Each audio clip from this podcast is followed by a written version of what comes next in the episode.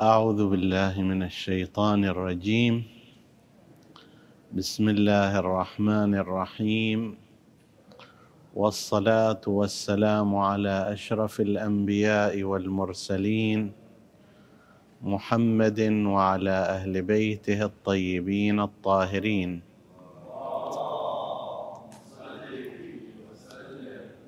اللهم صل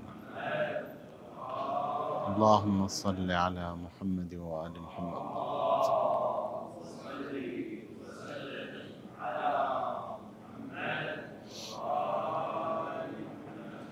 اللهم صل على محمد.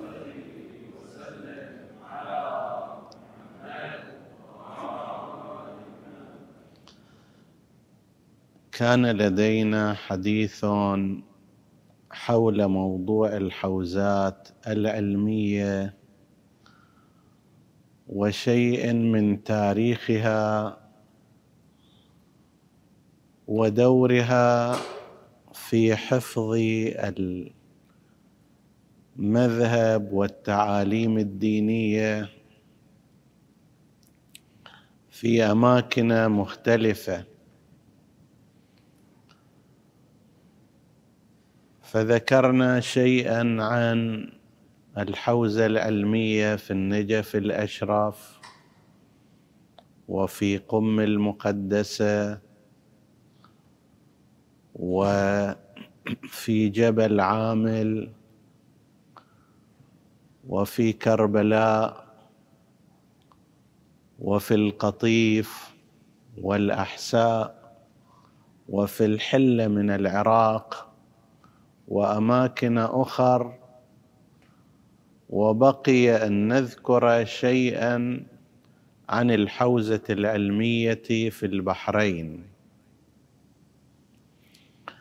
يشار إلى أن التداخل والتواصل بين الحوزات العلمية في مناطق الأحساء والقطيف والبحرين هو تداخل كبير. فقد تجد هجرات مثلا بعض علماء البحرين وهم متعددون هاجروا من البحرين واستقروا في القطيف ودفن بعضهم فيها وساهم في تخريج علماء وفقهاء في هذه المنطقة. والبعض الآخر درس على يد علماء من القطيف يعني قد تجد عالما من البحرين أو من الأحساء. يدرس على يد أستاذ في القطيف لمدة من الزمان وهكذا بالعكس. فهذا التداخل وهذا التواصل كان كثيرا وكبيرا بحيث يصعب على الإنسان أن يتناول وضع الحوزة العلمية في منطقة من هذه المناطق دون أن يشير إلى سائر المناطق لأنه قد يكون أستاذ هذه الحوزة هنا هو تلميذ لعالم هناك أو بالعكس. فلكي تكتمل الصورة عندما يريد الإنسان أن يتعرض إلى تاريخ الحوزة العلمية في أحد هذه المناطق الثلاث لا بد أن يرجع إلى المنطقتين الأخريين لما بين الجميع من التواصل والتدريس أو الدرس التعلم أو التعليم. هذه نقطة مهمة عند الحديث عن أحد هذه المناطق وهذا راجع أساسا إلى أن هذه المنطقة البحرين والأحساء والقطيف كانت في الزمن القديم منطقة كانت في الزمن القديم منطقة واحدة. فيما بعد تم تقسيمها اداريا وسياسيا إلى مناطق. وإلا في القديم كان يتعامل معها كمنطقة واحدة والعشائر والقبائل التي كانت تسكنها غالبا هي قبائل وعشائر واحدة. النقطة الأخرى التي نحن نلاحظها فيما يرتبط بالحوزة العلمية في البحرين أنها كانت تتأثر تاثرا كبيرا باستقرار أو اضطراب الوضع الأمني في المنطقة. منطقة البحرين منطقة صغيرة كما هو واضح جزيرة صغيرة بالقياس إلى البلدان الأخرى. بالقياس إلى إيران مثلا بالقياس إلى المملكة الحجاز ونجد وسائر المناطق. البحرين تعد منطقة صغيرة.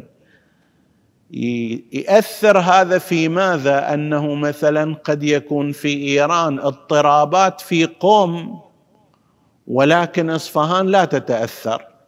طهران لا تتأثر مشهد لا تتأثر لسعة المساحة وكبرها.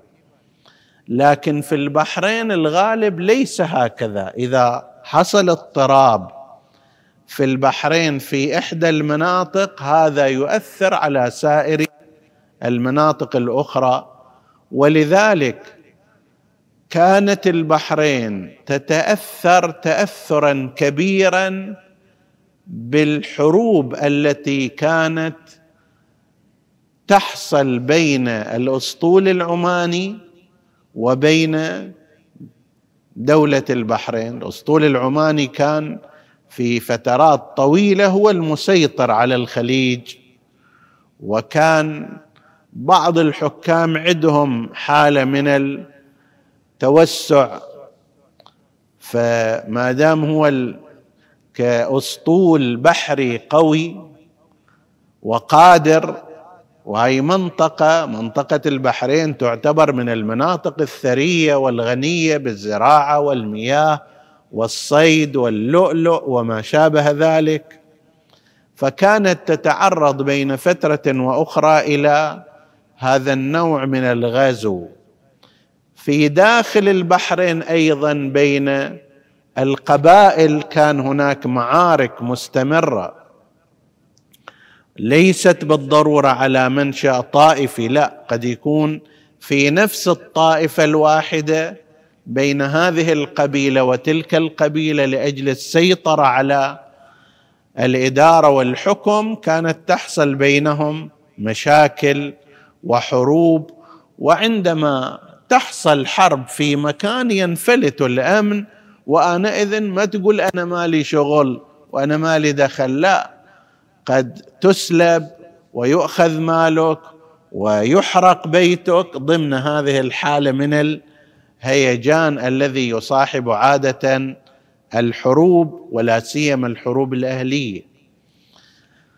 لذلك نلاحظ مثلا هجرات حصلت في من البحرين إلى الأطراف المجاورة. الآن لو أنت تتبع مثلا هنا في القطيف أو في الأحساء أو في الكويت أو في البصرة أو في خوزستان إيران جنوب إيران تجد أعداد كبيرة جدا من العشائر والقبائل والأسر التي أصولها من البحرين ولكنهم في فترات معينة على أثر هذه الاضطرابات نزحت.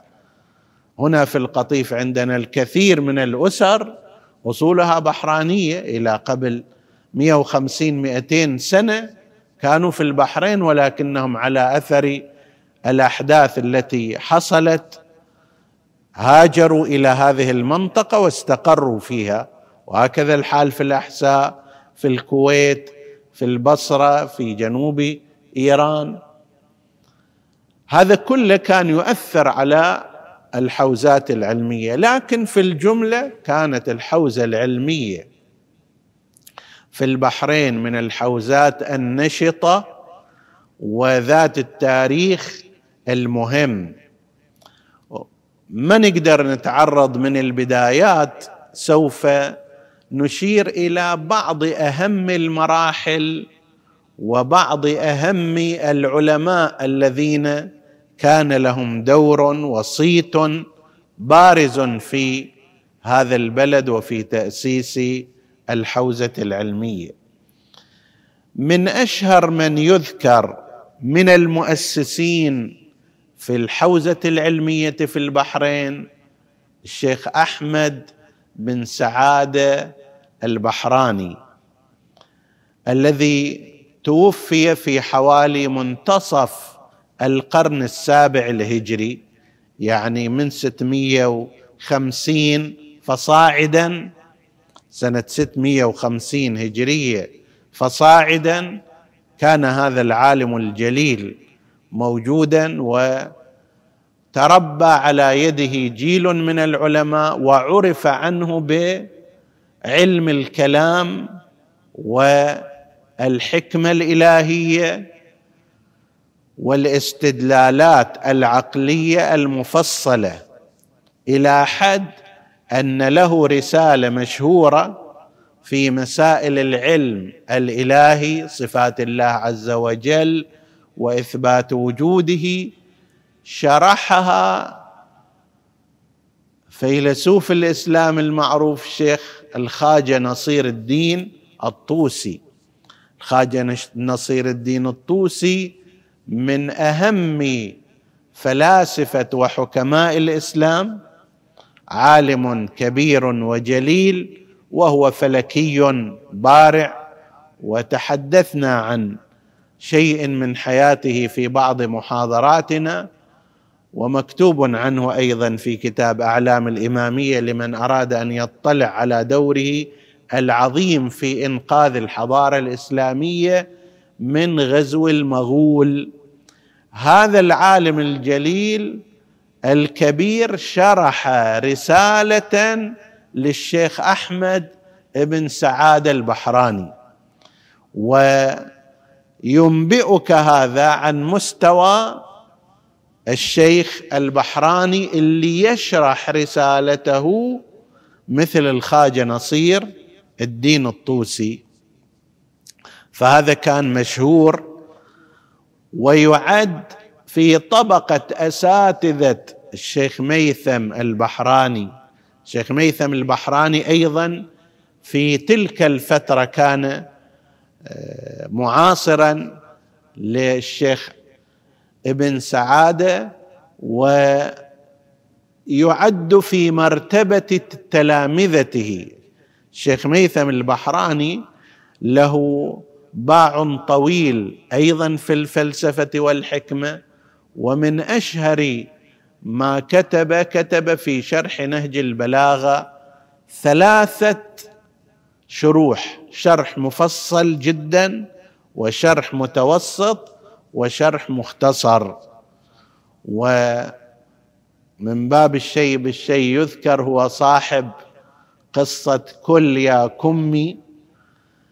هو كان رأيه يقول أن الناس لا أقل في زمانه الذين عاصرهم لا ينظرون إلى العلم ولا يقدرون الإنسان بحسب علمه وإنما بحسب هيئته وبزته وشكله وطوله وعرضه وماله هذا يصير مقدر. وكان يبدي هذا الكلام فالبعض ممن كان يسمع به وعنه ولا سيما في الحله، الحله ذاك الوقت كانت مزدهرة حوزتها العلمية أيام العلامة الحلي رضوان الله عليه وهو معاصر له. فأرسلوا إلي أنه أنت كيف تقول هذا الكلام؟ أن الإنسان إنما هو بملابسه بمظهره الخارجي وليس بعلمه لا بالعكس. الأحاديث معروفة أن المرء بأصغريه قلبه ولسانه هذه قيمته الكبيرة. فأراد أن يعطيهم درسا. صحيح الحديث هو تام ولكن الوضع الاجتماعي هل هو هالشكل؟ فأرسل إليهم ببعض شعره الذي جاء فيه قد قال قوم بغير علم ما المرء إلا بأصغريه. فقلت قول امرئ حكيم ما المرء إلا بدرهميه. من لم يكن درهم لديه لم تلتفت عرسه إليه. والجماعة يقولون أن الإنسان شخصيته بقلبه ولسانه. قلت لهم لا إنما المرء هو بدراهم عنده فلوس عنده دراهم يحترم. وإلا من لم يكن درهم لديه إذا ما عنده فلوس حتى زوجته أيضا ما تعطس فيه حسب التعبير. من لم يكن درهم لديه لم تلتفت عرسه إليه. فزاد عجبهم منه فأراد أن يبرهن لهم كان إلى سفرة إلى الحله فذهب ذات يوم قالوا إليه الطلبة أو العلماء أو أهل الوجاهات الاجتماعية يجتمعون في المجلس الفلاني فلبس ملابس عادية فد عبايه وفد صايه مختصرة وعمامه شلون ما كان خلاها على رأسه وراح إلى ذلك المجلس. فطرحت مسألة عجزوا عن حلها فهو أجاب بسبعة أجوبة كل جواب أقوى من الجواب الثاني. طيب هو إلى ذاك الوقت قاعد في نهاية المجلس. زين. فلما شافوا اجوبته بعض الحاضرين من المتصدرين ولا سيما يعني أصحاب البزات والهيئات والثياب الكذا يعني كأنما استكثروا علينا. وهذا وهو مقتحم. قالوا له كأنك طالب علم أو كأنك تحسن شيء من العلم. قال يعني أنا طويلب المهم فبقي الحال هكذا. المفروض ما دام عجز الجميع عن الإجابة وهذا إجاب لازم يصدروه ولا تكن صدرا بغير الكمال. لكن ليس هكذا بقي على حاله. في اليوم الثاني غير شكله ولبس له فد عمامة كبر العمامة دبلها حسب التعبير بدل ما لنفترض سبعة متر صارت أربعة عشر مثلا طيب وافد جبة مرتبة وقفطان وبزة وهيئة وجاي يمشي بشكل بشكل الكبراء. طبعا لما إجوا شافوا هالشكل وهم ما يعرفونه بس قالوا أكيد هذا فد عالم كبير أجلسوه في الصدر فطرحت مسألة فأجاب فيها بثلاثة أجوبة كل جواب أخس من الجواب الثاني. كلام غير مربوط هو متعمد في ذلك متعمد في ذلك. أجوبة باهتة لا تدل على المطلب ليس فيها منفعة.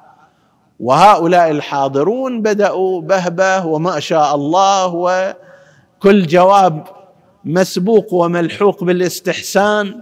طيب فلما حضر وقت المائدة أيضا خلوه في الصدر وين ما أكو المائدة الصحن الكبير والمرق الما أدري كذا فهو كان كل شوية ينزل كمة في شوربة أو في الكذا يقول كل يا كمي كل يا كمي فتعجبوا منه شنو هذا اللي قاعد تسوي؟ فقال لهم أنا أمس جئت لكم بزي العلماء وأجبت عن مسألة بسبعة أجوبة كلها أجوبة متينة قوية واضحة. طيب ما اعتنيتوا أصلا. اليوم جبت جيت لكم بزي الكبراء. مال الكشخات ومال الموضه ومال ما أدري كذا. وأجبت على أسئلتكم بجواب الجهلاء. أنتم أمس ما عظمت العلم. اليوم عظمت شنو؟ الملابس. فاللي يستحق أن يأكل هو كمي هذا مو أنا. وإلا كان لازم تكرموني أمس فبرهن لهم على أن في بعض المجتمعات بالفعل ما المرء إلا بدرهميه. وهذه طبعا حالة خاطئة وغير صحيحة. الشيخ ميثم البحراني رضوان الله تعالى عليه كان من العلماء الكبار وكان من تلامذة هذا الشيخ أحمد بن سعادة البحراني رضوان الله تعالى عليهما ومن ذاك الوقت بدأت الحوزة العلمية في البحرين تعرف من خلال معرفة هؤلاء العلماء الكبار الذين فيها ولا سيما مثلا عندما يشرح رسالته مثل الخاجة نصير الدين. أو مثل الشيخ ميثم البحراني اللي سافر إلى العراق وإلى إيران وتبين للعلماء والفضلاء فضله وبالتالي فضل الحوزة التي أنتجت وأنجبت هذا العالم. فيما بعد في مرحلة ثانية ربما يكون هذا إلى صلة أيضا باستقرار الأوضاع في إيران أيام الدولة الصفوية. الدولة الصفوية في بداية القرن العاشر الهجري يعني من سنة 900 فصاعدا استقر فيها الوضع. صار المذهب الجعفري هو المذهب الرسمي. أيضا هي الدولة الصفوية بسطت نفوذها على منطقة الخليج وفي أولها البحرين.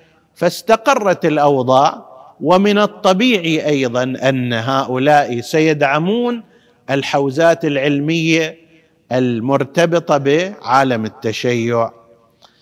فبالفعل ازدهرت الحوزة العلمية في البحرين حتى لقد رأينا أشخاص يسافرون من أماكن أخرى مثل والد الشيخ البهائي الشيخ حسين بن عبد الصمد البهائي العاملي. من جبل عامل هو في الأساس لكنه سافر إلى إيران وبقي في إصفهان وكان مكرما معززا فيها لمرتبته العلمية. هذا شال نفسه وذهب إلى البحرين. بعضهم يقول بناء على رؤيا رآها وقد يكون هذا أحد العوامل لكن لا ريب أنه أن لوجود الحوزه في البحرين وإمكانية الاستفادة منها والإفادة فيها كانت لها مدخلية كبيرة. فهذا واحد من الذين انتقلوا والانتقال من مكان إلى مكان يتبين فيه أن هذه الحوزة فيها عمق علمي وفيها درس مناسب اللي يقصد ومثله أيضا الشيخ مفلح الصيمري الشيخ مفلح الصيمري قيل إنه توفي سنة 933 هجرية وقيل قبل ذلك وهو له شر وهو عالم كبير له شرح ممتاز على شرائع الإسلام للمحقق الحلي رضوان الله عليه فهاجر هو وأهله هو وابن الشيخ حسين بقوا في البحرين يدرسون ويعلمون واندمجوا بالحوزة العلمية وكان لهم دور فيها. ولولا أن هذه الحوزة كانت فيها نقاط جذب لما رأينا مثل هؤلاء العلماء الذين كانوا في أماكنهم شخصيات مهمة وعندهم مستوى علمي متميز لولا أنهم وجدوا في الحوزة في البحرين مثل هذا الأمر لما هاجروا إليها. من أولئك أيضا الذي يشير إلى وجود جهد علمي متميز في البحرين عالم البحرين السيد ماجد الصادقي البحراني المتوفى سنة 1028 هجرية.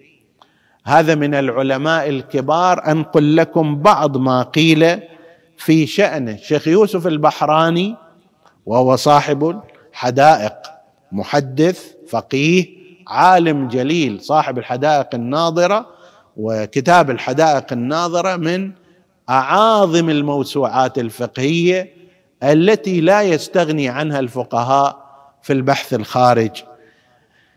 مؤلفها الشيخ يوسف يقول عن هذا السيد سيد ماجد الصادق البحراني يقول كان هذا السيد محققا مدققا شاعرا اديبا ليس له نظير في جودة التصنيف وبلاغة التحبير وفصاحة التعبير ودقة النظر.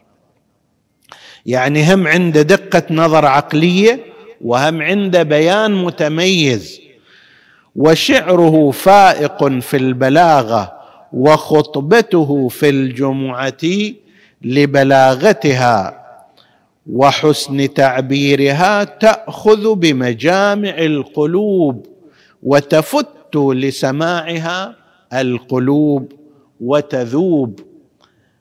هذا كلام أحد كبار العلماء عنه بل ذكر عنه أنه أول من نشر علم الحديث في شيراز. شيراز كانت في وقتها أيضا حوزة علمية عندما هاجر إليها وسافر إليها هذا السيد من البحرين نشر علم الحديث. فأنت تلاحظ أن هذه الحوزة في البحرين غير أنها تشتمل على علماء في داخلها تستقطب إليها العلماء من خارج البلاد كوالد الشيخ البهائي وكشيخ مفلح الصيمري وابنه وغيرهم وفي نفس الوقت أيضا تصدر العلماء إلى الخارج مثل ما حصل بالنسبة إلى السيد ماجد الصادقي ومن أولئك العلماء أيضا السيد هاشم البحراني التوبلاني. بلدته موجودة إلى الآن توبلي معروفة في البحرين وينسب إليها يقال توبلاني. وهو عالم جليل جدا وله خبرة في الروايات حتى قال فيه بعضهم أنه نظير العلامه المجلسي صاحب بحار الأنوار. علام المجلسي في إحاطته بالروايات وفي معرفته بالأسانيد. يعتبر مفخر مفخر من مفاخر التشيع بعض معاصريه يقول إن السيد هاشم التوبلاني البحراني نظير العلامة المجلسي رحمه الله. له كتب كثيرة من أهمها استدراكاته على شيخ الطائفة الطوسي رضوان الله عليه. شيخ الطائفة اسمه بعد فيه. عنده كتاب تهذيب الأحكام سيد هاشم البحراني رحمة الله عليه عنده كتاب اسمه تنبيه الأريب في رجال التهذيب. أخذ مواضع كثيرة وملاحظات متعددة على شيخ الطائفة وهو خريت هذا العلم كأنما يخطئه في بعضها ويوضح للقارئ بعضها الآخر اسمه تنبيهات الأريب. اجى واحد آخر وهو الشيخ حسن الدمستاني تحدثنا عنه في إحدى الليالي في ضمن سلسلة شعراء الحسين عليه السلام. شيخ حسن الدمستاني مدفون عندنا هنا في القطيف في مقبرة الخباقة قريب من مسجد العابدات في داخل المقبرة. وهذا مو فقط شاعر اللي عنده هذه قصيدته أحرم الحجاج عن لذاتهم بعض الشهور عنده الأكثر أنه فقيه متضلع في الفقه وعالم جليل مع أنه كان يزرع في المزرعة ويفلح فيها ويمارس الأعمال اليومية ولكنه كان فقيها عالما خبيرا. عنده كتاب اسمه انتخاب الجيد من تنبيهات السيد. اختصر ذلك الكتاب وسماه بانتخاب الجيد. الإشكالات الواردة على شيخ الطائفة وهو يراها أنها صحيحة انتخبها في هذا الكتاب. هذه أيضا هذا العالم الجليل أيضا يشكل مرحلة من مراحل العلم والحوزة في البحرين وننهي حديثنا بالمرحلة القريبة منا وهي زمان الشيخ يوسف البحراني رضوان الله تعالى عليه وابن أخيه الشيخ حسين المعروف بالشيخ حسين العلامة كلاهما من عائلة آل عصفور. الشيخ يوسف رضوان الله تعالى عليه المتوفى سنة 1186 هجرية عاصره وزامنه عدة علماء في مرتبة تلاميذه منهم ابن أخيه الشيخ حسين. الشيخ حسين الآن هو الذي يرجع إلى رسالته العملية سداد العباد تقريبا كل مؤمنين من المدرسة الأخبارية. تعلمون المنطقة هنا تقريبا إلى قبل مئة مئة سنة أو مئة وعشرين سنة. تقريبا كانت المنطقة كلها تنهج المدرسة الأخبارية في الأحساء في البحرين في القطيف في أطرافها المختلفة في جنوب إيران أيضا كذلك في البصرة. هذه المنطقة كلها تقريبا كانت تلتزم بالمدرسة الأخبارية. شنو الفرق بين المدرسة الأخبارية والمدرسة الأصولية؟ تحدثنا عنها في موضع آخر عند حديثنا عن حوزة كربلاء.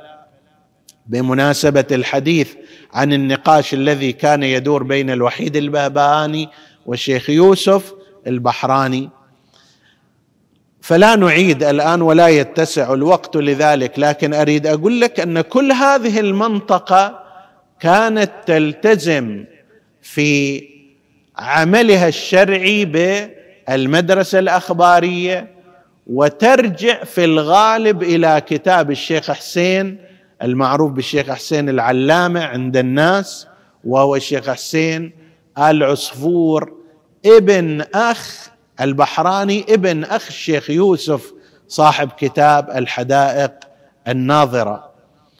وأيضا كان مزامنا لهم المرحوم الشيخ عبد الله الستري توفي سنة 1267 ويعرف في بعض الأوساط في البحرين بالمقلد أيضا لأنهم كانوا يأخذون رسالته معتمد المسائل ويعملون على طبقها.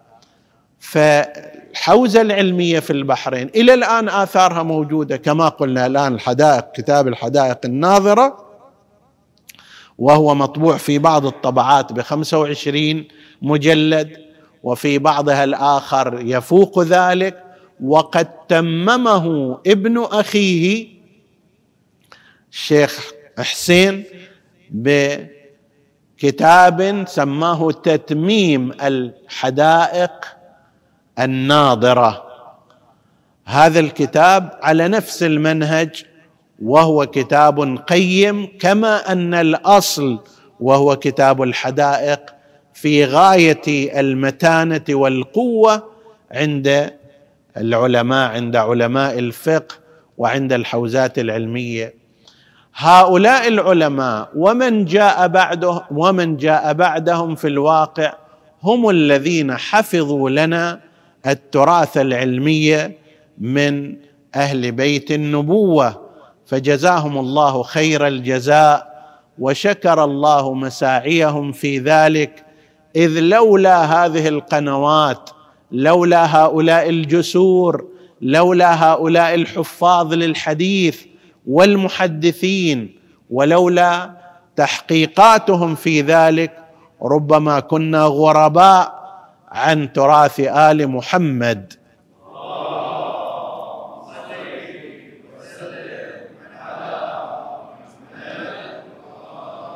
نسأل الله سبحانه وتعالى أن يزيد في عز وشرف الحوزات العلمية وأن يبارك في عطائها وأن يوفق علماءها لرفد الإسلام والمسلمين بأحكام الدين إنه على كل شيء قدير.